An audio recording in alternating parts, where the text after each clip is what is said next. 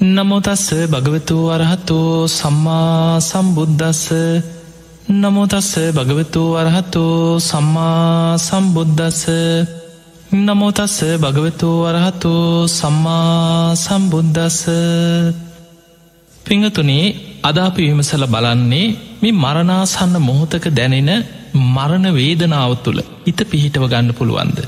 බුදුරජාණන් වහන්සේගේ ශ්‍රාවකයන් අතර බුද්ධ දේශනා ගණනාවක සඳහන් වෙනවා. සමහරු ගින්නෙන් පිච්චිලා මොනතරං වේදනා සහගත මරණයක්ද. හැබැයි ඒ මොහොතේ ධර්මය සිහි කරලා ධර්මාවබෝධය ලබපු ශ්‍රාවකයෝ ගැන. ඒවගේ බිම්බිසා රජ්ජුරෝ වගේ වදදීල මරද්දි යටිපතුල් පලලාලු නොදාලා ගිනි පොකුරුඩ පවා ඇවිද්දෝල. ඒ තරං වදහිංසා දෙද්දිත් ධර්මය සිහිකරගත්ත ධර්මය අවබෝධ කරගත්ත ශ්‍රාවකයෝ ගැන.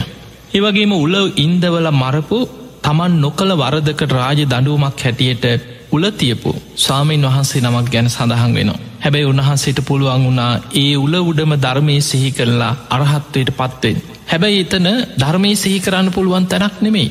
ඇඟ පසාරු කරගෙන උලක් බහිනකොට ඒ වේදනාව යටපත් කරගෙන. ධර්මය සිහි කරන්න උන්වහන්සේට පුළුවන්කම ලැබුණ. එන්න මේ වගේ කාරණා මුල් කරගෙන අප විමසල බලමු. මරණ මොහොතේ මරණ වේදනාව තුළ කොහොමද කෙනෙක් ධර්මය සිහි කරගන්න. පිංහතුනේ මරණාසන්න මොහොතක මරණ වේදනාව. අපි කියෙන කායිකව දැනෙන කායික වේදනාව. මරණාසන්න කෙනෙකුට දැනෙනවා. තැන් අපි මරණය පොඩ්ඩක් තේරුම් ගමු එක දුකක්. බුදුරජාණන් වහන්සේ දුක්කාරි සත්‍යයේදි පෙන්නුවේ මරණම්පි දුක්කං.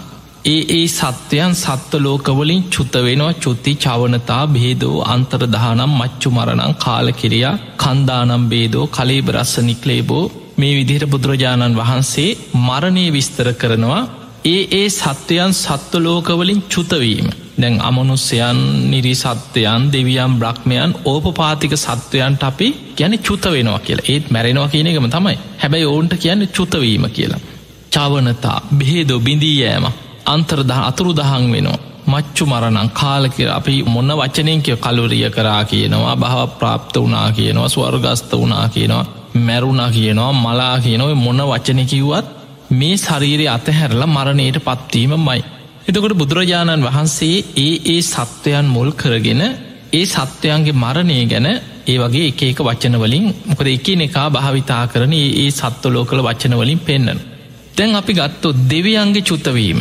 දෙවියොත් දිවි ආත්මවලින් චුත වෙනකොට දෙවියන්ටත් බුදුරජාණන් වහන්සේගේ දේශනාවතින පුබ්බ නිමිත්ත කියල සූට්‍රය. මේ දේශනාව සඳහන් වෙනවා දෙවිවරුන්ගේ ආවිශ අවසන්වේගෙන යනකොට පැළඳගෙන ඉන්න දිවිය මල්මාලා පරවෙනවා කියනවා.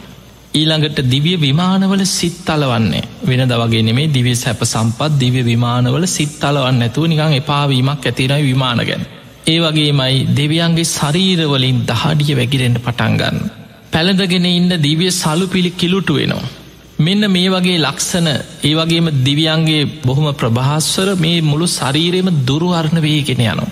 මේ ලකුණු පහළ වෙනකොට අනික් දෙවියෝ රොහුදිහා බලපු ගමන් තේරෙනවා දැන්නම් මෙයාගේ ආවිශ අවසන් වෙලා චුතවෙන්න මේ ආසන්න වෙලා අවසාන මොහොත කියර. එතකොට මේ වගේ ලකුණු පහළ වෙලා තමයි දෙවි කෙනෙක් බොහෝ වෙලාවට දිවි ආත්මෝලින් චුතවෙන්.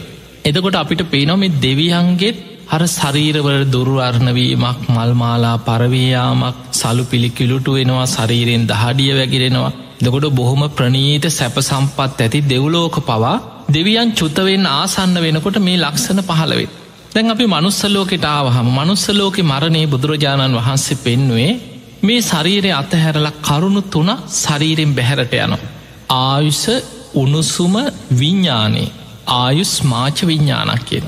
මෙන්න මේ කාරණාත් තුන මේ සතර මහා ධාතුන්ගෙන් හටගෙන තියෙන මේ ශරීරෙන් බැහැරවීම අපි කියන මරණය මැරුණට පස්සේ අපි කියෙන මේක හරියට වැඩකට ගන්න බැරි දර කඩක් දිරල දිරල පස්සෙලා යන වගේ අර සතර මහා ධාතුන්ගෙන් හටගත්ත ශරීරේ ඊට පස්සේ දිරල කුණු වෙලා පස්සෙලා යනවා. මික වටිනාකම තියෙන්නේ මේ ආවිෂ උණුසුම විඤ්ඥානමේ සතර මහා ධාතුන්ගෙන් හටගත්ත ශරීරය ඇසුරු කරගෙන පවතින තාක්කල් විතරයි. එතනින් පස්සේ කවදාවත් ඔන උපරිම දවසක් දෙකක් එම්බාම් කරලා හරි සෙන් ගගහරි මොනවා හරි කළ දවස් කීපයක් යන්තන් ගෙදරක තියාගෙන අඩාඩා හරිදී. හැබැයි ගඳ එනකොට කුණු එනකොට දුරු ගන්ධ එනකොට මිනිස්සුක කොහේ අරි ගිහිල එක්ක අල්ලල දානවා. එහෙම නැත්නම් පුච්චලම දානවා. එදකොට අපිට පේනවා ආයි ගෙදරක තියාගන්න සොහොනක් තියෙන්නේ සමහර ගම්මානෙන් බොහෝ දුර අදනං සමහරලාවට නගරය සොහොන ළඟට ගෙවල් හදාගෙන මිනිස්සු අයිනට මාවට ඉස්සර බුදුරජාණන් වහන්සේ කාලේ මහා කැලේකට ඈත තියෙන ගම්මානෙන් බොහෝ ඈත ගිහිල වනාන්තරයක තියෙන මහා කැලේකට ගිහිල විසි කරල දාලායනවා. එතකොට අපිට පේනවා මේ ශරීරයේ මේ කොච්චර මේ කෙස්න් පිටිම් බාහිරින් පේන හම දට්ටික නිය පොතු ටික ඕ පාට කරගන්න ලස්සන කරගන්න මොන උපක්‍රම යොදවේද රූපයට උපක්‍රම යොදමින් හිටියත් මේ ශරීරය ආයුස අවසන් වෙලා උණුස්සුම බැහැර වෙලා විඤ්ඥානි ශරීරයෙන් පිට වුණාට පස්සේ මේ කුණු වෙලා යන මේ ශරීරය ගිහිල්ල විසි කල්ල දාලා එක්කො පුච්චල දාලා යන.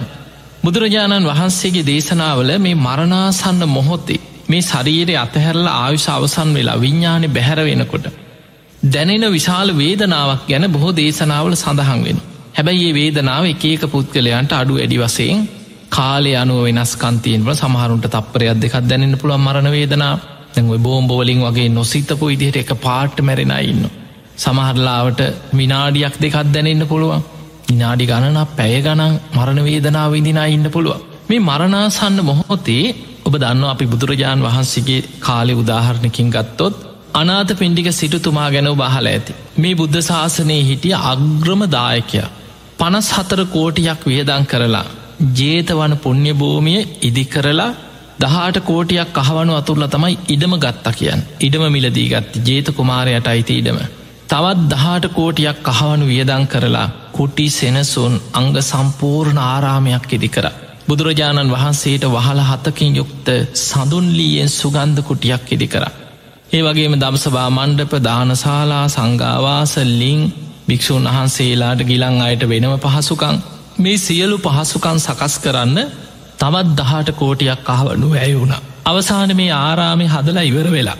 සඟ සතු කරල පෝජා කරන දවසේ අනාත පින්ඩික සිටුතුමා ඒ උත්සවයට තවත් දහට කෝටියක් වේදං කර. මුළුන් අගරෙම සැරසුවා හැම තැනම දන්සැල්ලේදවා දුගී මගේ යාචකයන්ට අනාත පින්ඩික කියලා හැඳින්නුවෙත් සිටුවරගේ නම සුදත්ත හැබැයි අනාත පින්ඩික කියලා හැඳින්නුවේ අනාතයන්ට අසරණයන්ට පිඩු දෙන නිසා. එතකොට මේ අනාත පින්ඩික සිටතුමා පනස් හතර කෝටියක් වියදං කළ තමයි ජීත වනේ සඟ සතු කරලා පූජ කරේ. නිතර බණැහවා ඒ වගේම බුදුරජාණන් වහන්සේ මුණ ගැහිච්ච පළවෙනි දවසෙම බනහලා සෝතා පණ්ඩ පලයට පත්වෙච්ච කෙනෙ එතකොට අපිට පෙන එනම් පෘතජ්ජනයෙක් නෙමෙයිමේ ධර්මය අවබෝධ කරගත්ත සෝතාපන්න පලයට පත්වෙච්ච කෙනෙක් අනාත පින්ඩික සිටතුමා. මේ සිටතුමා මරණාසචන්න වෙච්ච වෙලාවේ සේවකයකුට කතා කරලා කිව පින්වත ඔබ ඉක්මනට ජීත වනයට යන්න බුදුරජාණන් වහන්සේ පළවෙනුවෙන් ගිහිලා උන්වහන්සේ මුණ ගැහෙ. මගේ වචනෙන් උන්වහන්සේට වන්දනා කරන්න මේ වන්දනා කරන්නේ අනාත පින්ඩික සිටතුමා වෙනුවෙන් කියලා. ඔබ මං වෙනුවෙන් ගිහිල්ල වඳන්න. සිටතුමාට බොහොම අසාධ්‍යය අමාරුයි මරණාසන්න වෙලා ඉන්න කියලා අසනීප ගැන බුදුරජාණන් වහන්සේට වැඳල මතක් කරන්න. ඊළඟට ඔබ යන්න කීවා සාරිපුත්ත මහරහතන් වහන්සේ වැඩඉන්න කොටියට. සාරිපුත්ත මහරහතන් වහන්සේටත් ගිහිල්ල මගේ වචනින් මුලින්ම වන්දනා කරන්න. සාරිපුත්්‍යයන් වහන්සේට සිහි කරන්න කිවා සිටතුමාට බොහෝම අසාධ්‍ය යමාරුයි. අනේ මාව බලන්න එන්න කියලා සාරිපුත්්‍යයන් වහන්සේට පණවිඩේ කියන්නකි. තිං එදා සාරිපුත්ත මහරහතන් වහන්සේ දානය වලඳලා ආනන්ද හාමුතුරු එක්ක පිණ්ඩ පාති වැඩම කරලා අවසානයේ සිටු මැදුරට වැඩිය. දැන් සිටතුමා හොඳටම අසාධ්‍ය වෙලා ඇඳේ වැතිරිලා ඉන්න මොහොතේ ඇඳ ළඟම ආසන දෙකක් පනවල දුන්න. සාරිපුත්ත මහරහතන් වහන්සේ ඇඳ ළඟින්ම වාඩි වෙලා ආනන්ද හාමුදුරුවට ළඟම වැඩ හිටියා සාරිපුත්ත හාමුදුරු අහනවා කච්චිතේ කමනියම් ඔබට ඉවසන්න පුළුවන්ද. කච්චි යාපනියන් ඔබට දරාගන්න පුළුවන්ද. කච්චි දුක්කාවේදනා නො අභික්කමන්ති නෝ පටික්කමන්ති. ඔබ ඔයි දුක්වේදනානිකං අඩුවෙන පාටක්ද තියෙන්නේ වැඩි වෙනවා වගේද කියලා ඇහුව. තැම් බලන්න අපි බොහෝ වෙලාවට ඔබ ලෙඩ්ඩු බලන්න ගිහිල්ල ඇති. ඔබේ ඥාතීන් අසල් වැසිය කවුරු හරි හිතවතෙක් රෝහලේ ඉන්න අන්න ස්පිරිතාල ඉන්නවා. දැනගත්තාහම බොහෝ දෙනෙක් බලන්න යනවා. ඒ ගිහිල්ල ඔය වගේ යහනවා. කොහොමද දැන් සනීපද? වෛද්‍යවරු මොකද කිව්වේ? දැන් වේදනාව ඉවසන්න පුළුවන්ද? අඩුවක් තියෙනවද? ඔයිටි අහනවා. සාරිපුත්ත හාන්දුරොත් ඔය වගේ ඒ කාලය අහන විදිහට මේ පාලියෙන් සඳහන් වනාට අර්ථය ගත්තොත් කච්චිතේ කමනියන් ඔබට දරාගන්න පුළුවන් ඔබට ඉවසන්න පුළුවන්ද? කච්චි යාපනියම් ඔබට ඉවසගන්න පුළුවන් කච්චි දුක්කා වේදනා. කොහොම දොබෙවයි දුක් වේදනාව? අභික්ක මන්තිනෝ පටික්ක මතමික වැඩි වෙනවද? අඩුවී මද්ද තියෙන් අන්න එතකොට අනාත පින්ඩික සිටතුමා මේ මරණාසන්න මොහොතෙ කෙනෙකුට දැනෙන මරණ වේදනාව සිටතුමාට තේරෙන විදිහට කෙන ස්වාමීනි මගේ ඔළුව වටේට කමයක් වෙලලා කිට්ටි කිට්ටිගාල හිර කරනවා වගේ අතිමාට්‍ර වේදනාවක් හිස ඇතුළින් දැනෙනවාකි. තවත් කියනවා සාමීනි මගේ ඔළුවට උල් පිහිවලින් අනිනවා වගේ වේදනාවක් ඇතිවෙනවා. සාමාන්‍යයෙන් අද අපි කියන්න මේ මගේ ඔළුව පැලෙන්න්න රිදෙනවා කියලා මිනිස්සු කියන්න ඔළුව පැලෙන්න්න වගේ කියන. ඒ වගේ තමයි අනාත පින්ටික සිටුතුමා කියෙන ස්වාමීනේ ඔළුව වටේ කඹයක් වෙලලා හිර කරන වගේ. මගේ හිස්මුදුනට උල් පිහිවලින් ඇනල පලනෝ වගේ මට තේරෙනවා කිය. ඊළඟට සිටතුමා කියෙන ස්වාමීනි මස් කපන පිහියකින් මගේ බඩවැල් තීරු තීරු කපනවා වගේ. කුස ඇතුළෙන් වේදනාවක් උපදිනවා. අර මරනාසන්න වෙච්ච වෙලායි බඩවැල්වලින් මේ කුසින් දැනෙන මරණ වේදනා. ඊළඟට කියන ස්වාමීනි හතර දෙනෙක් මා උත්සං ගිහිල්ලා. ගිනි අගුරු වලක දාලා පුච්චනවා වගේ මගේ ඇඟම දනව කියෝ. අන්න මරනාසන්න මොහොත විශාල දාහයක් දැවීමක් මුළු ඇඟ පිච්චෙනෝ වගේ දැනෙනවා සිටුවරයට ඒක උපමාවකට කියන්නේ තමන් උත්සං ගිහිල්ල හතර දෙනෙ ගිනි අගුරු වලක දාලා තමන්ගේ මුළු ඇඟම පුච්චනවා වගේ මුළු ඇඟම දනවා කියෝ. දැන් ඔබ හිතන්න මරණයේදී මරණාසන්න බොහෝ දෙනෙකුට ඔය වේදනාව දැනෙනවා. ඒකට හේතුව මේ ආයුස අවසන් වෙන එක නෙමේ. විඤ්ඥානය බැහැරවෙන එකක් නෙමේ. තේයෝදහතුව ආයුස් මාච විඤ්ඥානකිපම ආයුසයි උණුසුමයි විඤ්ඥානය. මේ කරුණු තුන තමයි ශරීරයේ මරණයේදි බැහැරවෙන්. උණුසුම කියන එක අපි ධර්මය කියෙන තේජෝදහතුව මේ තේජෝදහතුව කියන අපේ ශරීරෙම හැදිලා තියෙන්නේ පටවි ආපෝ තේජෝ ආයෝ කියන සතරමහා ධාතුන්ගේ. ඔය ධාතු මනසිකාරී ගැන විස්තර කරනකොට මේ රූපය ගැන විස්තර කරනකොට බුදුරජාණන් වහන්සේ වදාළ මහනෙන ගුරෝසු ස්වභාවීන් යුක්ත පටවි ධාතු කොටස් විස්සක් මූලික වසයෙන් ඉවෑ පටවි ගතිය වැඩි කොටස් විස්සක් පෙන්නු මේ ඔක්කොම හැදෙන්නේ සතර මහධාතුන්ගේම තමයි. හැබැයි මේ කේසන් ලෝම්නිය දත් සම්මස් නහර ඇට ඇට මිදුළු වකු ගඩු හදවත අක්මාව බඩදිව පේනහළු අසූචි හිස්මොලාද මේ පටවිධාතු කොටස් විස්සක් පෙන්වා ඒව පටවිගතිය වැඩි. එනිසා පටවිධාතු හැටියෙන් මෝලික ඒ ස්භාවය අනුව වෙන් කරලා අපිට පෙන්නවා. ඊළඟට ශරීරය තුළ තියෙන අපේ දිය වෙලා වැගිරිලා යන දේවල්. ආපෝ දහතු කියනවා. පිත්ත සෙම සැරව ලේ දහඩිය කඳුළු බොරුණු තෙල් මුට්ට්‍රා මේවත් දිය වෙන වැගිරෙන දේවල්. හැබැයි හැදිල තියෙනෙ සතර මහධාතුන්ගෙම තමයි. වැගිරෙන ස්භාවි වැඩි නිසා ආපෝදහතු හැටියට හැදින්නවා. ඉළඟට මේ ශරීරය තිනවා වායෝ දහතුව උගුරට එනවා ෑනුම් යනවා ඉක්ක වැටෙනවා මේ උඩුවත්තට ගමන්කන උද්දංගමාවාතා බඩවැල් ඔල හැදිල පසු පසින් පිට වෙන වාතයක් තියෙන එකට කියෙන අදෝගමාවාතා. මේ කුසේ පිරිච්ච වාතයක් තියෙන කුච්චිසයාවාත සමහර බඩ ගොඩො කරගානවා බඩ ඇතුළි පිරිච්ච වාතයක් තිනවා කුච්චිසයාවාත. ඉළඟට අංගමංගානුසාරිනෝවාත අවය අවසොලවන්න වටපිට බලන්න ඇවිදින්න දුවන්න පනින්න හැඟපත හොළුවන්න මේ ඔක්කෝම වායෝ දහතුවත් එක්ක තමයි මේ දේ වෙන්නේ. ඒකට උපකාර වෙන වාතෙම මුළු ශරීරය පුරාම ලේධාතුව ගමන් කරන්නේ වායෝ දහතුව නිසා. ඉළඟට අශ්වාස ප්‍රශ්වාසවාතා. අපි ආශවාස ප්‍රශ්වාස කරන හුස්මරැල්ල පවා ශරීරයත් එක්ක බැඳිච්ච දෙයක්. එදකොට මේ විදිහට මේ වායෝදහතු අපේ ශරීරයත් එක්ක බැඳිච්ච කොටස් හයක් පෙන්නවා. මේ ශරීරය ඇසුරු කරගෙන පවතින උණුසුම තේජෝදහතුව එහි ක්‍රියාකාරිත්වය අනුව කොටස් හතරකට බෙදෙන. සන්තප්පන තේජෝධාතුව පරිඩහන තේජෝධාතුව පාචක තේජෝධාතුව ජිහිරණ තේජෝධාතු කියලා කොටස් හතරයි. එතකොට අපි අමුවෙන් කෑවත් දිරවන ජීරණ තේජෝධාතු මෙයන්ගේ උණුසුම නිසා වෙන දෙයක්. ශරීරෙ දවනවා තවනෝ සන්තප්පන විශේෂෙන් දවන උණුසුමක් තියෙන එකන අපිට උන ගන්නවා ඇකරත්වෙනවා ඊළඟට මේ ශරීරෙ දවසින් දවස වයසට යනවා දිරනවා ජීරණ තේදයෝධාතු එතකොට මේ විදිහට මේ ශරීරයේ පුරාම බැසගත්ත උණුසුම මේ සතර මහා ධාතුූන්ගේම හටගත්ත ශරීරෙ පුරාම බැසගත්ත ඇගේ තියෙන උස්නත්වය මේ උණුසුම තේජෝදහත්තුව මරණයේදී ශරීරෙන් බැහැර වෙලා ශරීරෙන් ඉවත්වෙනවා. අන්න ඒක තමයි මරණාසන්න කෙනාට විශාල තමාට ඇඟම දනවා වගේ තේරෙන්න්න පුළුවන් ඇඟ පිච්චෙනවා වගේ අනාත පිඩික සිටතුමා කෙන ස්වාමිනිමා උත්සං ගිහිල්ලා ගිනිියගුරු අලක දාලා පුච්චනවගේ මගේ ඇඟ දනවා කියෝ. එතකොට අපිට පේනවා අර දාහය දැවීම පිච්චෙනවා වගේ ගතිය මරණාසන්න මොහොතේ මරණ වේදනාවත් එක්ක අර තේජෝ ධාතු ශරීරයෙන් පිට වෙනකොට ඇතිවෙන. සමහරුන්ගේ අසනී පනුව වේදනාව අඩු වැඩි වෙනවා. සමහරු ගින්නෙන් පිච්චිලා මැරිනයින්න අයිතකොට අර පිච්චින වේදනාව ඒ ඇතුහාල වේදනාව සමහරට තුවාල හටගෙන කුණුවෙලා වේදනාවඉඳල මැරෙනවා සරී අභ්‍යන්තරය ඇතිවෙන යම්යම් රෝගතත්ව නිසා බඩේ අමාරු ඔලුව කැක්කුම වේදනාව ඉඳල විඳල මැරෙනවා එතකොට මේ මොන ක්‍රමෙන් මැරුණත් මරණාසන්න මොහොතක මරණ වේදනාව කියන එක කෙනෙකුට අඩු වැඩි වසයෙන් දැනෙනවා. ඔබට හිතෙන්න්න පුළුවන් මේක හැමෝටම දැනෙනවාද කියලා. මරණ වේදනාව හැම කෙනෙකුටම දැනෙන හැබැයි දැනෙන ස්වභාවේ එක වෙනස්කන් තියෙන පුළුවන්. සමහරකුට තප්පරයක් දෙකක් දැනෙන්න්න පුළුවන් තප්පර කීපයක් විනාඩියක් දෙකම් මරණ වේදනාව දැනෙන්න්න පුළුවන් එක්කෝ පැයක් සමහරු පැය ගනන් දින ගනම් පනාදිනායත් අපිට අහන්න ලැබෙන. එතකොට අපිට පේනොම මරණ වේදනාව කියන එක කෙනෙකුට අඩු වැඩි වසයෙන් දැනෙනවා. මෙන්න මෙතන ධර්මය දියුණු කරගත්තේ නැත්නං බොහෝ දෙනෙක් මේ වේදනාවක්ක ගැටෙනෝ කේන්ති යනෝ තරහාව ඇති වෙනවා. ඔබ දැකල ඇති සමහරු ඉස්පිරිතාල්වල කෑ ගහනවා හෝ තියෙනවා බනිනවා රිදෙනවෝ කියනවා සමහරු ඇඳංවල බැඳල තියෙන්නෙක්කු. ඉංජෙක්ෂණයක් ගහන්න දෙන්න තුවාලයක් සුද්ධ කරන්න දෙන්නෑ එතකොට මරණාසන්න මොහොතේ පවා මහා වේදනාවක් විඳලා විඳලා දංගලලා පැරෙනවා. එතකොට අපිට පේනවා මේ මරණාසන්න වේදනාව කියන එක කෙනෙකුට දැනෙනකොට ධර්මය දියුණු කරගත්තේ නැති කෙනා කලබල වෙනවා. හිත විසිරෙනවා. ඔහුට තියෙන කෑ ගහන්න විලාප දෙන්න බයිවෙලා තැති අරගෙන හිත විසිරීමක් මිසා ඔහුට ඒ වේදනාව තුළ හිත පිහිටවන්න බෑ. බුදුරජාණන් වහන්සේගේ ධර්මය තුළ අන්න උන්වහන්සේ අපිට උගන්නනවා වේදනාවී හිත පිහිටවන්න පුළුවන් ක්‍රම. ඒ තමයි සතර සතිපට්ඨානය සඳහන් වෙනවා වේදනානු පස්සනාව කියලා සතිපට්ඨාන කොටසක්. දැඟ ඔබ බලන්න ඇහැමුල් කරගෙන විදීම් ඇති වෙන. ඇහේ ස්පර්සය නිසා ඇතිවෙන විදීම් තියෙනවා.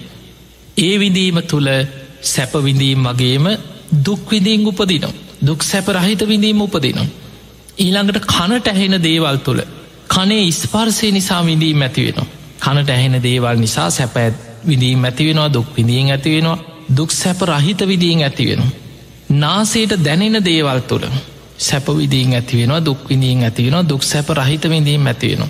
දිවට දැනෙන රස්සයන් තුළ සැපවිඳීන් ඇතිවෙනවා දුක් විඳීන් ඇතිවෙනවා දුක් සැප රහිත විඳීන් ඇතිවෙන. කයට දැනෙන පහස තුළ අන්න කායික වේදනාවන් බොහෝ වෙලාවට ඇතිවෙන්නේ කයයි පහසයි විඤ්ඥානයයින් එකතුවීම. එකන සමහරුන්ට ඒ වේදනාව නොදැනෙන්න සමහරලාට ඉන්ජෙක්ෂණයක් ගල් හිරිවට්ටන්න පුළුවන්. එතනදී ඔහුට ඒ විඤ්ඥානයට ඒ කයි ස්පර්සේ නොදැනෙන මට්ටමට තාවකාලික සමල්ලාට හිරිවට්ටලා සිහි නැති කිරීම තුළේ විඤ්ඥානයේ කයි ස්පර්සේ ඊට පස විඤ්ඥානයට ඒක දැනෙන්නේ නෑ එතන මනසිකාරයකට හිතයොමු එන්නේ හැබැයි මනසිකාරයකට අවධාන යොමු එච්ච ගමන් වේදනාව දැරන්න ගන්න. දැන් ඔබ හිතන්න මෙහෙම ඔබට සමහර අත්දැකින් ඇති. සමහර වෙලාවල් වල අපි එක්ක දුවන්න ගිහිල වැටිච්ච අවස්ථාව වාහනයක් කර මෝට් සයිකලේක වැටිච්ච අවස්ථාවක් වෙන්න පුළුව මොනොහරි හේතුවක් මත සමහරලාවට ඇදගෙන වැටිලා අත හම යනවා. දැන් වැටිච්ච ගමන් එක්කෝ අත හම ගිහිල්ල දැන් ලේ ගලනවා. හැබැයි ගෙනෙක් බලාගෙනින් නොමේ ලේ ගලනවා අත පිහිනවා. ටික වෙලාවක් යනකොට තමයි වේදනාව දැනන්න පටන්ගත්.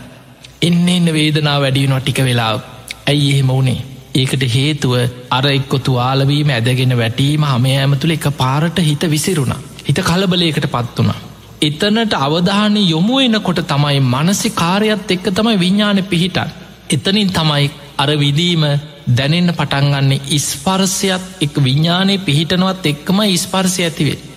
එතකොට කයයි පහසයි විඤ්ඥානය එකතු වෙන්න නම් ඒ කයට ඒ එතනට මනසිකාරයක් අවධානයක් යොමු එන්න ඕන. අන්න එතකොට වේදනාව දැනෙනවයාට අන්නේ නිසා කායික වේදනාවක් මොන්න කය ඇතුළින් බඩ ඇතුළින් දැනුනත් පිටින් දැනුනත් එලියේ හම උඩින් දැනුනත් එක කවුරු හරි පිටිනම් ගහලා මොනො පිච්චීමක් නිසා මොන්න හේතුවක් නිසා කයින් වේදනාවත් දැනුනත් ඒ වේදනාව දැනෙන්නේ කයයි පහසයි විඤ්ඥානයයි එකතුවීමෙන් මයි එතකොට ඒ කයේ ස්පාර්සය නිසා ඇතිවෙනවා දුක්විඳීම් දුක් සැප රහිත විඳීන් ඇතිවෙන සැප විඳීන් ඇතිවෙන එතකොට මෙන්න මේ විඳීම තුළ හිත පිහිට වන්න පුළුවන්. තැන් ඔය ඕ ගැනම අපි හිතලා සමහල්ලාවට අපි අකමැති අප්‍රිය දේවල් ගැන සිහිකර කර මනසෙන් ස්පර්සය නිසා දුක් විඳිනවා. ඒක හිතේ දුකක් ඇතිවෙන ඊළඟට හිතෙන් සතුටු වෙන සමාරු තනියෙන් හිනාවෙනවා තනියෙන් සතුටු වෙනවා. මනසිං ඒවා ගැන සිහිකර කර මනෝමේ වස්සයෙන් සතුටක් ලබනු. දුක් සැප රහිතාර මුණු හිතට ගලාගෙනනවා. එතකොට මේ වගේ අපිට යම් විඳීමක් උපදිනවන. ආයික වේදනාවක් වේවා මනසට ඇතිවෙන මානසික විඳීමක් වේවා යම් විඳීමක් ඇතිවෙනවනං ඒ වේදනාව උපදින්නෙම ඉස්පරසයක් නිසාම්මයි. පස්ස පච්චයා වේදන ඉස්පර්සය ප්‍රත්තෙමයි විදීම ඇතිවෙන්. අන්නේ නිසා මේ ආයතන හයේ ස්පර්සිං ඇතිවන විඳීම තුළ හිත පිහිටවාගෙන ඒ ඉස්පර්සය අනිත්‍ය දකිමින් භාවනාවක් වසයෙන් වඩන ක්‍රමේ බුදුරජාණන් වහන්සේ උගන්නනවා. එක සතර සතිපට්ඨාන විස්තරාත්මක උගන්නනවා වේදනානු පස්සනා සතිපට්ඨානය හැටියට ඉළඟට බුදුරජාණන් වහන්සේ පින්ඩ පාත පාරිශුද්ධි සූත්‍රයේ නොඒක් දේශනාවල් බුදුරජාණන් වහන්සේ උගන්නනවා එක අවස්ථාවක බුදුරජාණන් වහන්සේ සාරිපුත්ත හාන්දුරන්ට දේශනා කරන සාරිපුත්තය ඔබ පින්ඩ පාත යනකොට සමාර වෙලාවට බුදුහාමුදුරන්ට වෛර කරනයි හිටියා අන්‍යාගමිකයෝ හිටිය බ්‍රාහ්මණවරු හිටිය නොයෙක් පිරිස හිටිය. බුදුරජාණන් වහන්සේ වදාළ සාරිපුත්තේ ඔබ පින්ඩ පාති වඩිනකොට ඔබට බොහෝම නපුරු දරුණු වචනවලින් මිනිස්සු බනින්න පුළුවන්. මිනිස්සු බනිනවා පින්ඩ පාත යනකොට පාරඉඳගෙන එතකොට හිතන්න කීවා කනයි සබ්දයයි විඤ්ඥානයයි නිසා කනේ ස්පර්සයක් ඇති වුණ. ඒ ස්පර්සය නිසා විඳීමක් ඇතිවෙනවා විඳින සබ්දය මං හඳුනගන්න හඳුනගන්න සබ්දය තුළයි මේ චේතනාව පහළ වනේ මේ කනත් අනිත්‍යයි. ඒ ඇතිවෙන කනට ඇහෙන සබ්දයත් අනිත්‍යයි. කනේ හටගත්ත සෝත විඤ්ඥානයත් අනිත්‍ය. ඒ කරුණු තුනේම එකතුව නිසා කනේ ස්පාර්සය අනිත් එන අනිත්‍ය කරුණු තුනක එකතුව කනේ ස්පාර්සය අනිත්‍යයි. ඒ ස්පර්සයෙන් තමයි මේ විඳීම උපදන්නේ. එකත් අනිත්‍යයි. ස්පර්සය අනිත්‍ය නං ස්පර්සිෙන් ඇතිවෙන විඳීම අනිත්‍යයි. ඒ තුළ හඳුනාගන්නක් මට බනිනවද? මොකක්ද කියන්නේ? මොනවදේ කියන්නේ? ඒ හඳුන ගන්න සංඥාව. එකත් ස්පර්සයෙන් ඇතිවෙන් අනිත්‍ය ස්පර්සෙන්න්නම් ඇති වුණේ එකත් අනිත්‍යයි. ඒ තුළ පහළ වෙන චේතනාවත් අනිත්‍යයි. සාරිකුත්ත ඔබට කවුරු හරි නපුරු දරුණු බස්වලින් බනිනවනං ඔබ ඒ තුළත් මේ විදිහට අනිත්‍යම වඩන්න කියන එතකොට බලන්න අන්න බුදුරජාණන් වහන්සේ ධර්මය තුළ වේදනාව තුළ මේ විඳීම තුළ කනමුල් කරගෙන විඳීමක් ඇති වෙනවනම් ඒක ධර්මානුකූලෝ දකින හැටි පෙන්ල දෙෙන ආකාරය. ඉළඟට බුදුරජාණන් වහන්සේ වදල සාරිපුත්ත ඔබට සමහර වෙලාට ඔය මිනිස්සු සමහරු දරුණු පුද්ගලයෝ ඉන්න බැනල නවත්තන්නේ. ගහන්න පුළුවන් දමල මොනහරික්ක පොල්ලකින් ගහන්න පුළුවන් ගලකින් ගහන්න පුළුව දඩුමුගුරුවලින් ඔබට පහර දෙන්න පුළුවන්. දැන් අපිතම කවුරරි ගලකින් ගැහුව පොල්ලකින් දමල ගැහුව. මේ පොල්ල ඇවිල්ල වදිනකොට ඇගේ හිතන්න කියනවා කයයි පහසයි විඤ්ඥානයයි නිසා විදීමක් ඇති වුණ මේ කයත් අනිත්‍යයි. ඒ පහසත් අනිත්‍යයි. ඒ ඇති වෙච්ච විඳීමත් ඒ තුළ විඤ්ඥානය හටගත්තා විඤ්ඥානෙත් අනිත්‍යය ස්පර්සයත් අනිත්‍යය. ඒ නිසා ඇතිවෙච්ච විඳීමත් අනිත්‍යය ස්පර්සයෙන් හටගත්ත විඳීම. ඒ හඳුනා ගැනීම් චේතනා ඒ සියල් අනිත්‍යයි කියලා ඒ තුළත් ඔබ විදර්ශනා වඩන්න කියෙන්. එතකොට බලන්න කවුරු හරි පහර දුන්නත් පොල්ලකින් ගැහුවත් ගලකින් ගැහුවත් අතපයින් ගැහුවත් ඒ ගහනකොට ඒ වේදනාව තුළ ඒ ඇතිවන ස්පර්සය අනිත්‍ය සිහි කරන්න කියන. සාරිපුත්ත ඔබොයි විදිහට පුරුදුනොත් ඔබට හැම මොහොතෙම ඒ චිත්ත සමාධීම්ම හිත විසිරෙන් නැතුව හිත පවත්වගෙන ඉන්න පුළුවන් කියන. එ බලන්න මේ කොච්චර දියුණු දැ සාමාන්‍යෙන් ප්‍රායෝගික ගිහි ජීවිතයක් අත කරන ප්‍රායෝගිකවයින් මේ කෙලෙස් වලින් එන්න පෘතත් ජන මට්ට මේ ගැටෙන සාමාන්‍ය කෙනෙකුට මේක නිකං කෝම දුව කරන්න කියලා හිතෙන්න්න පුළුව ඔහොමත් ඉන්න පුළුවන්ද කියලා හිතෙන්න්න පුළුව ඇයි මිනිස්සු හැම වෙලායම දවේශය මත කෙලෙස් තුළ තමයි සාමාන්‍ය පුද්ගලයා තීරණ ගන්න. කෙලෙස් සොලින්මයි රැකවරණි හොයන් ඒක නහිතන ඔහොම නිවටව ඉන්න පුළුවන්. පීවට එකට එක කරන්න ඕන කියලා හිතනවා. අපිට පුළුවන් දහන එහෙම ඉන්න. එතකොට අපි නිකම් බාල්දුවෙනවා කිය එතකොට මේ වගේ මේ කෙලෙස් තුළ තීරණ ගන්න කෙනා එකට එක කරන්න ඒකට ප්‍රතිචාර දක්වන්න ඒ විදිහට තීරණ ගන්න කෙනා කෙලෙස් වලින් හැබැයි බුදුරජාණන් වහන්සේ පෙන්නන්නේ ධර්මාවබෝධයට හිත සකස් කරගන්න කෙනා ඕනෑම වේදනාවත් තුළ මනසට යම් වේදනාවක් බනිනව ඇහිලා හරි ඇහින් දැකපු දෙයක් නිසා හරි කනට ඇහිච්ච දෙයක් නිසා හරි යම් විඳීමක් උපදිනවනං ඒකත් ඉස්පර්සෙන් හටගත්ත කියලා අනිත්‍ය දකිින්. කයට කායික වේදනාවක් එක්කෝ තමන්ගේ වෙනව යම් හේතුවන් නිසාවෙන්න පුළුවන්ගේ කවරුහරි පහර දෙන නිසාවෙන්න පුළුවන් ගලකින් ගහලවෙන්න පුළුව ඒ හැම වෙලායමත් ඉස්පර්සිෙන් හටගන්න විඳීමක් හැටියට දකිින් බලන්න මේ වගේ වේදනානු පස්සනාවක් පුරුදු කරගත්ත කෙනෙක් නම් අපි හිතම ටික ටික හරි මේ බනාහලා මේ ස්පර්සෙන් හටගන්න විඳීම අනිත්‍යයි කියලා කාලයක් පුරුදු කරගත්ත කෙනෙක් කියලා. එදකොට මෙහෙම පුරුදු වෙච්ච කෙනෙක් නං ඒ කෙනාට අන්න මරණ වේදනාව මොහොතේ තැ මරණ වේදනාව මේ කවුරුත් පිට ඉනංගහලා ඇතිවෙන කන්නමෙන් උන්වහන්සේ කැලේ ගල්ලෙනක් සුද්ධ කරගෙන භාවනා කරනවා මේ ගල්ලෙන ඉදිරියේ තියෙනවා පොකුණා මේ පොකුණට බැහල පැම් පහසු වෙලා පාත්තරය අරගෙන ඒ ඇත තියෙන ගම්මානකට පින්ඩ පාති වඩින. මෙහෙම තමයි උන්වහන්සේ අර වනාන්තරයේ බණ භාවනා කරගෙන හුද කලා ජීවිතයක් ගත කරේ. මෙහෙම ඉන්න ස්වාමීන් වහන්සේ දවසක් පාත්තරය අරගෙන ඇවිල්ල සිවරත් ගලෝල තියල ගං යුරි තියල ගඟට බැහල පැම් පහසු වෙන. මෙහෙම පැම් පහසු එනකොට රජ්ජුරුවන්ගේ රාජාභරණ වගේයක් හොරකං කරගත්ත හොරු වගේයක් කැලේට පැනලා පිටි පස්සෙන් පන්නනවා රාජබටයෝ. ඇන් කැලේ ඇතුළේ දුවනවා. දුවගෙන දුවගෙන දුවගෙන යනකොට කැලේම රාජබටයෝ වට කරලා කැලේ පීරනවා. දැනගත්තා කොහෙන්වත් පැනලනම් බේරෙන් අතක් නෑ මේ ආභරණ ටික කොහෙ හරි හංගන්න ඕන. එහෙම හිතනකොට දැක්කාර ගං ඉවරෙන් දුවගෙන යනකොට පාත්තරයක් තියෙන රෙදි වගේයක් තියෙනවා. මේ මොහොත මෙන්න මෙතන්ට දාලාතම බේරෙන්න්න පුළුවන් කියලා පාත්තරය ඇතුළට දාලා අර රෙදිවලින් වහල හැංගුණ. දැන් කැලේ අහුනත් බේරෙන්න්න පුළුවන්. මිදර කඩන්නාව කියයි මොනොහරි මල් කඩන්නාව බෙහෙතක් හොයාගන්නාව මේ කැලේටාව මොනොහරි පලතුරු ටිකක් හරි හොයාගන්න. අනි අපි මුකුත් දන්න මේ අපි ළඟ නෑකිල මොදේ කාල ඇගිලි සලකරු ගන්නේ. එතකොට එහෙම බේරෙන්න්න පුළුවන්. දැන් අර රාජ බටයෝ කැලේ පීර පීර හොයාගෙන එනකොට දැක්කා මෙන්න මහා කැලේ ඇතුළි මේ කාගෙද රෙදි වගේ භාජනයක් තියෙනවා. මේ භාජනය අර රෙදිටික එහෙට මෙහිට කරලා බලනකොට මෙන්න භාජනය ඇතුළේ තියෙනවා අජ්ජුරුවන්ගේ ආභරණ ටික. කෝ හොරා කියලා බලනකොට අනි අරහිංසක හාන්දුරු උන්හසේ මුකුත් දන්න උන්හසේ පැම් පහසුන පීන පීන නානෝ මෙහිට වරින් කෙල ඇදලගත් ගගහ ඇදගෙන ගිය. රජ්ජුරුව ළඟට ඇදගෙන ගිහිලා ඉදිරිපත් කර රජතුමනි මෙන්න හොරා. මෙන්න ආභරණ ටික. රජ්ජුරුවන්ගේ ආභරණ හොරකං කරගත්ත හොරා බඩුත් එක්කම අල්ලගත්තා කිය. ඒ මොහොත්තේම කේන්තියෙන් හිටපු රජ්ජුරුවෝ උල්ලතියාපං ඕ කවකී. දැන් අනය රහිංසක හාමුදුරුව උන්වහන්සේ වැදගෙන ගිහිල්ලා දැන් රතු මල් මාලාවක් දාලා කස පහර දිදී නගරේ බෙර ගගහ දැන් මිනිස්සුන්ට අඩ බෙරගහනෝ එහෙම ගගහ මිනිස්සු රැස් කරගෙන කස පහර දිදී නගරි මැදින් එක්කං ගෙනහිල්ල උල ඉන්දෙව්වා දැන් හිතන්න උල ඉන්දෝනවා කියන මේ එක පාරට උලේ තිබ්බ ගමන් පණයනව නෙමේ අර උල ඇඟ පසාරු කරගෙන ඇඟ ඇතුළින් උඩට හාරගෙන ඇඟ පසාරු කරගෙන බහිනකොට මොනතරන් දුකක් වේදනාවක් විඳලද කෙනෙක් උල උඩ මරණයට පත්තේ. දැම් මේ ස්වාමීන් වහන්සේ නොකළ වරදක් ඒ වෙනකොට උන්හසේ ධර්මය අවබෝධ කරගෙන රහත් වෙලා හිටපු ගෙනෙක් නෙමේ. දැන් හිතන්න ඔය වගේ දේකදී. ධර්මයක් පුරුදු කරපු නැති. අවබෝධයක් තුළ යම්මට්ටමකට හරි ධර්මය අහලා අවබෝධයක් තුළ හිටපු නැති කෙනෙක් නං කොච්චර හිත විසිරෙනවාද කියලා.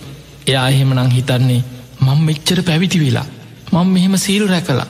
මං මේ වනාන්තරයට වෙලා කාටවත් කරදරයක් නැතුව ජීවත් වෙලා ඇයි මට මෙහෙම වුණේ අන්නෙමන මිනිස්සු හිතන් ඇයි මටම මෙහෙම වෙන්නේ මොකක්ද මංකරපු කරුමේ එහෙම තමයි සමහරුන්ට ප්‍රශ්නයක් ගැටලුවක් එනකොට සමහර වෙලාවට ධර්මය සිහිකරගෙන ඒ මොහොතේ තමන්ගේ හිත රැකගන්න ඒක සාධහරණය අසාධහරණය ඇයි මට මෙහෙම වුණේ මංමොකක්ද කරපු කරුමේ මෙන්න මුන් තමයි මේ ඔක්කොම කරේ ඒ වගේ කාගේ හරි පිටින් තියතිය සාධහරණ කරුණු මනසෙන් හොය හොයා අපේ හිත ධර්මය පිහිටව ගන්න තියෙන අවස්ථාව නැති කරගෙන හිත විසිරිලා තරහින් දවේශයෙන් කාට හරි වෛර බැඳගෙන එක්ක මැරෙනු.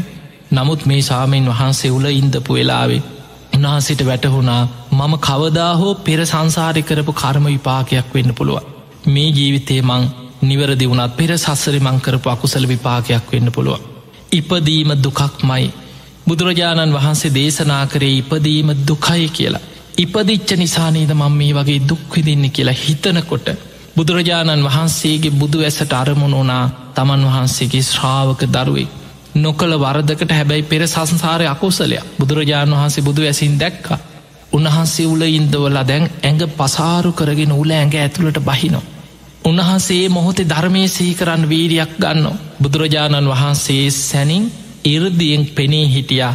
දේශනාව තියෙන දික්කල අතක් හකුලනවා වගේ හකුලපු අතක් දික්කරාවකි ඒ ඇන අපේ මේ අතක් එක පාට හකුලගෙන ඉඳලා දිගු කරනවා වගේ වේගෙන් ඒ මොහොත්තෙම උන්වහන්සේ අර භික්ෂුව ඉදිරියේ සැනින් ඉරදියෙන් පෙනී හිටිය. දැන් අනිත් අයට පේන්නේ වදකයන්ට පේනෑ උල ඉන්දපු අයට පේනෑ මිනිස්සුන්ට පේනෙත් නෑ අර සාමීන් වහන්සේට පේනවා බුදුරජාණන් වහන්සේ ඉරදීම් පෙනීන්වා තමන්ගේ ඉදිරි බුදුරජාණන් වහන්සේ යහනවා භික්ෂුව මේ රූපය නිත්‍යද අනිත්‍යද ඔබ හොදට විමසන්න. දැන් රූපය අනිත්‍ය රූපයේ මේ කය පසාරු කරගෙන උල බහිනකොට අනිත්‍ය වේදනා හොඳටම දැනෙන වෙලා අනිච්චම් බන්තය අනිත්‍යයි ස්වාමිනය කිය. එහෙමනං අනිත්‍ය වූ රූපයක් නිසා ඔබට දැනෙන්නේ සැපක්ද දුකක්ද දුක්කම් බන්තේ දුකයි ස්වාමීනි. එහෙම නම් මේ රූපයේ මම මගේ මගේ ආත්මයයි කියලා මට ඕන විදියට පවත්වන්න පුළුවන්ද නොහේ තම්බන්තේ නැහැස්වාමිනි මේ අනාත්මයි කියව. බුදුරජාණන් වහන්සේ වදාල ඔබ රූපය අනිත්‍යයි දුකයි අනාත්මයයි කියලම විමසන්න කියව. ඊළඟට බුදුරජාණන් වහන්සේ හනෝ භික්‍ෂූ මොකද මේ වේදනාව ඉස්පර්සෙන් ඇතිවන විඳීම නිත්‍ය ධනිත්‍ය ද වේදනා හොද්දටම දැනෙන වෙලා අනිච්චම් බන්තය අනිත්‍යයි ස්වාමිනි. එහෙම නම් මේ අනිත්‍ය විඳීම නිසා ඔබට ඇතිවුණේ සැපක්ද දුකක්ද දුක්කම් බන්තේ දුකයි ස්වාමී.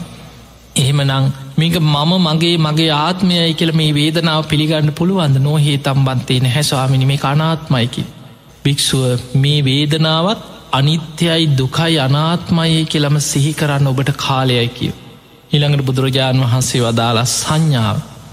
ඇහි රූපහඳ රූප හඳුන ගන්නවා කනේ සබ්ද හඳුන ගන්නවා නාසයෙන් ගඳ සුවඳ හඳුන ගන්නවා දිවෙන් රසාහඳුනනවා කයින් පහස හඳුනනවා මනසිෙන් අරමුණු හඳුනාගන්න අපි එකටගෙන සංඥා. මේ සංඥාව නිත්‍ය අනිත්‍ය දැහව අනිච්චම්බන්තය එකත් ස්පාරසයෙන් ඇතිවෙන දෙයක්. අනිත්‍යයි කියව. ඒමනං අනිත්‍ය වූ සංඥාවක් නිසා ඔබට ඇතිවෙන සැපක්ද දුකක්ද? දුක්කම් බන්තේ දුකයි ස්වාමිනික. එහෙම නම් මේ සංඥාව මම මගේ මගේ ආත්මයයි කියල පිළිගන්න පුළුවත් නොහේ තම්බන්තේ නැහැ ස්වාමිනි මේ අනාත්මයි කිය. ඉළඟට ඔය වගේ බුදුරජාණන් වහන්සේ හනවා භික්‍ෂුව ඔබ හොඳට විමසන්න. සංස්කාර ස්පර්සයම හටගන්න චේතනාව.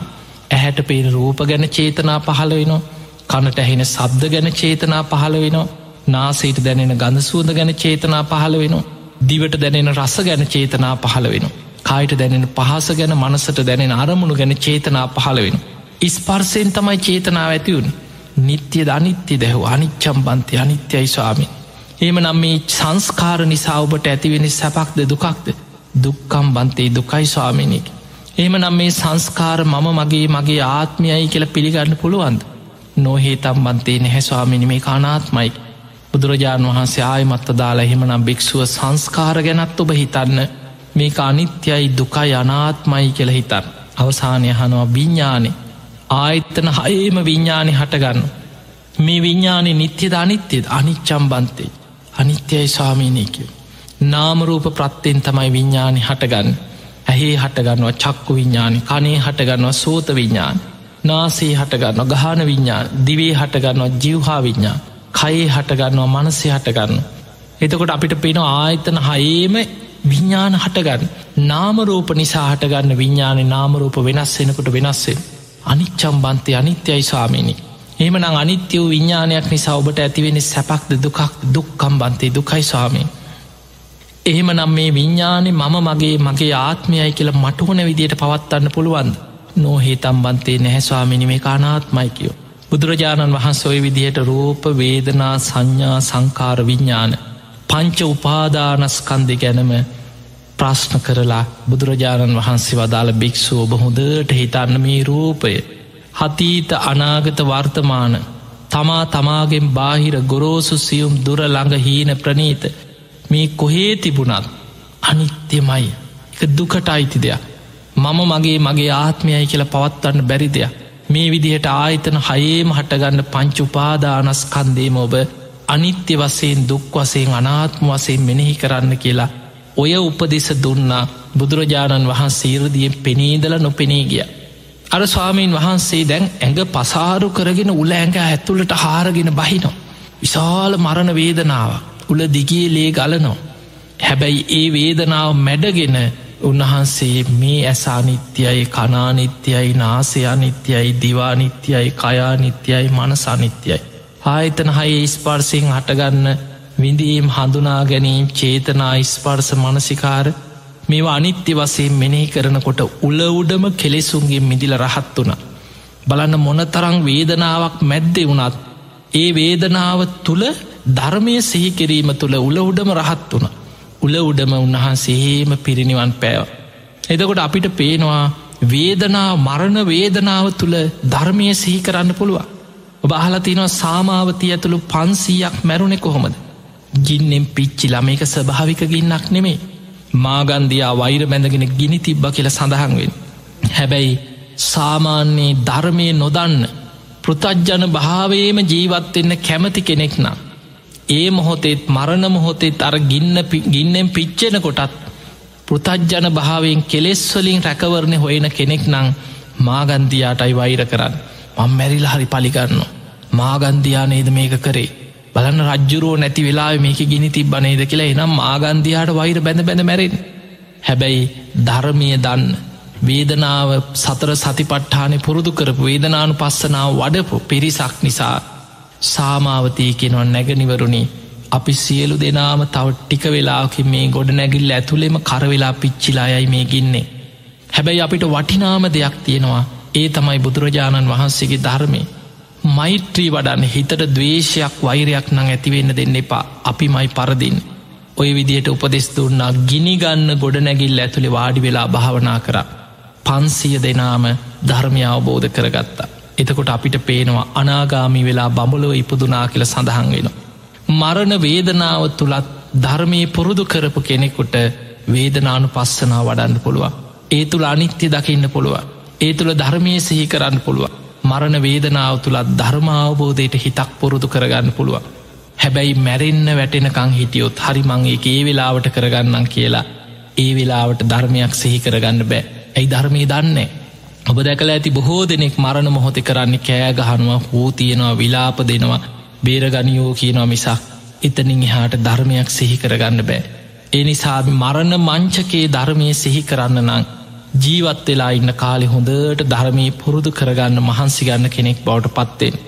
ඒ පිණිස ඔබ හැම දෙනාම ප්‍රායෝගික උත්සාහ කරන්න නිතර බණහන්න භාවනා කරන්න ධර්මය ඉගෙනගන්න ප්‍රායෝගිකව ධර්මී පුරුදු කරන්න මේ ලැබිච්ච මනුස්ස ජීවිතය තුළ ධර්මයටම ජීවිතය යොමු කරගෙන ධර්මය තුළින් ජීවිතය ගොඩ නගන්න උත්සාහයක් ගන්න මේ ලැබිච්ච මනුස්ස ජීවිතය අවසන් වෙන්න පෙර පුළුවන් තරම් පින් කරන්න කුසල් වඩන්න සද්ධහදී ගුණ ධර්ම වඩාගත්. නිතර බණහන් ධර්මයට ආස කරන්න ධර්මයට කැමති කෙනෙක් බවට පත්තෙන් දම්ම කාමෝ බවන් හෝතී දම්ම දෙෙස්සී පරාබව ධර්මයට කැමති කෙනා ධර්මයට ආසකෙනා දවසින් දවස ධර්මය තුළ දියුණුව කරායන දම්ම දෙෙස්සී පරාබව ධර්මයට දවේශ කරන කෙනා ධර්මයට ගරහන්න කෙනා දවසින් දවස මෙලෝ පරලොව දෙකෙන්ම පිරිහිලා පිරිහිලා විනාසේ පැත්තටම යනවා. ඒ නිසා ඔබ ධර්මයට ආසකරන ධර්මය දියුණු කරගන්න කෙනෙක් බවට පත්වෙන්න ඔබ හැම දෙනාටමත් මේ ජීවිතය තුළ තුම්මූ ධර්මයම දියුණු කරගන්න වාසනාව ලැබේවා ලැබේවා ලැබේවා කියලපි ඔබට ආශිර්වාද කරනවා.